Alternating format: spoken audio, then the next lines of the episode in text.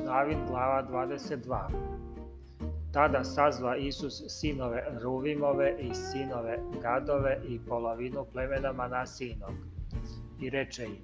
vi držaste sve što vam je zapovedio Mojsije, sluga gospodnji,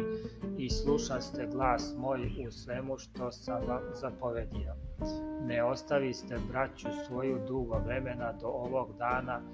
i tu dobro čuvaste zapovest gospoda Boga svog a sada gospod je Bog vaš smirio braću vašu kako im je rekao sada dakle vratite se i idite u šatore svoje u zemlju nasljedstva svog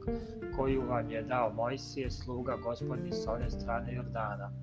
samo pazite dobro da vršite zapovesti zakon što vam je zapovedio Mojsije sluga gospodnji da ljubite gospoda Boga svog i da hodite svim putevima njegovim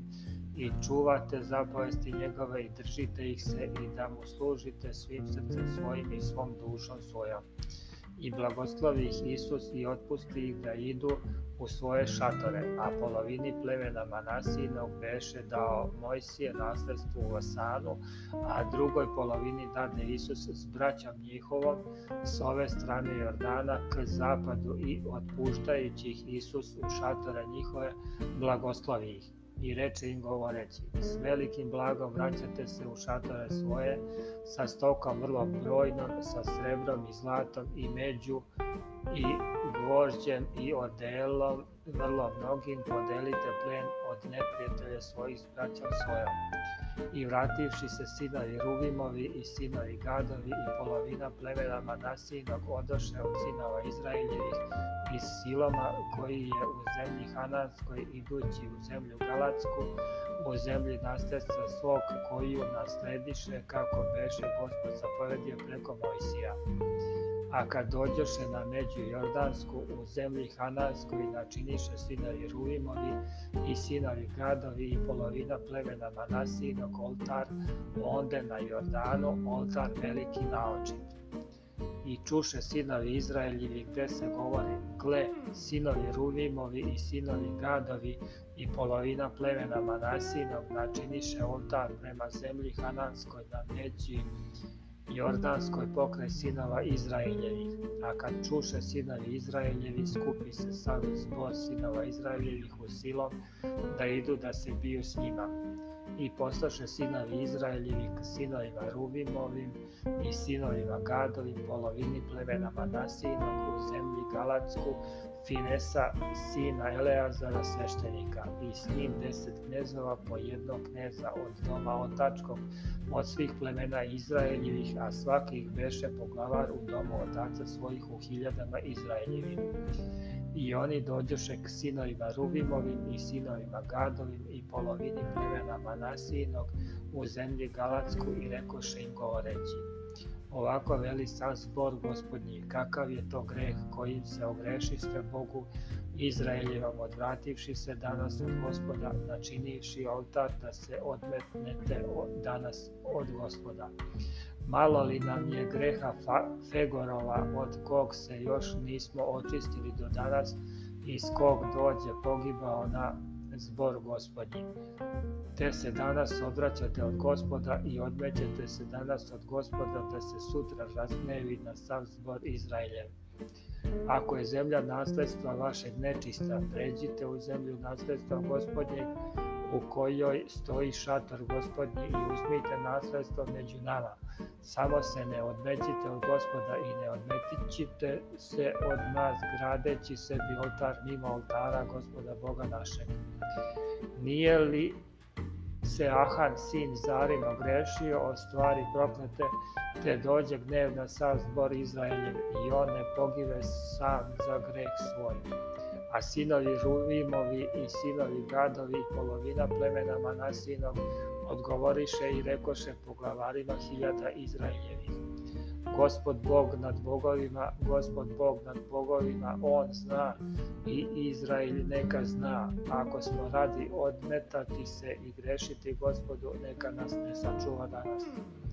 Ako smo načinili oltar da se odvratimo od gospoda ili da prinosimo na njemu žrtve paljenice ili darove ili da prinosimo na njemu žrtve zahvalne, gospod neka traži.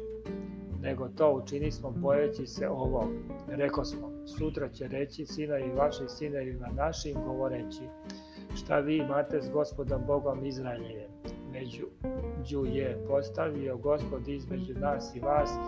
sinovi Rumivovi i sinovi gadovi Jordan, vi nemate deo u gospodu, sinovi vaši će odbiti sinove naše da se ne boje gospoda. Zato reko smo, učini smo tako i načinimo oltar, ne za žrtvu paljenicu, ni za drugu žrtvu, nego da bude svedok među nama i vama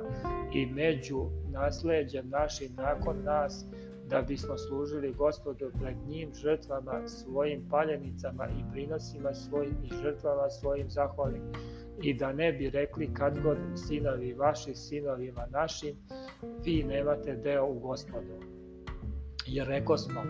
ako kad kažu tako nama ili natraži u našem Tada ćemo im kazati, vidite sliku od oltara gospodnje koju načiniše oci naši ne za žrtvu paljenicom i za drugu žrtvu, nego da je svedočanstvo među nama i vama. Ne daj Bože da se odmećemo gospodu i da se danas odvraćamo od gospoda načinivši oltar za žrtvu paljenicu, za dar ili za prinos, mimo oltara gospoda Boga našeg koji je pred šatorom njegovim.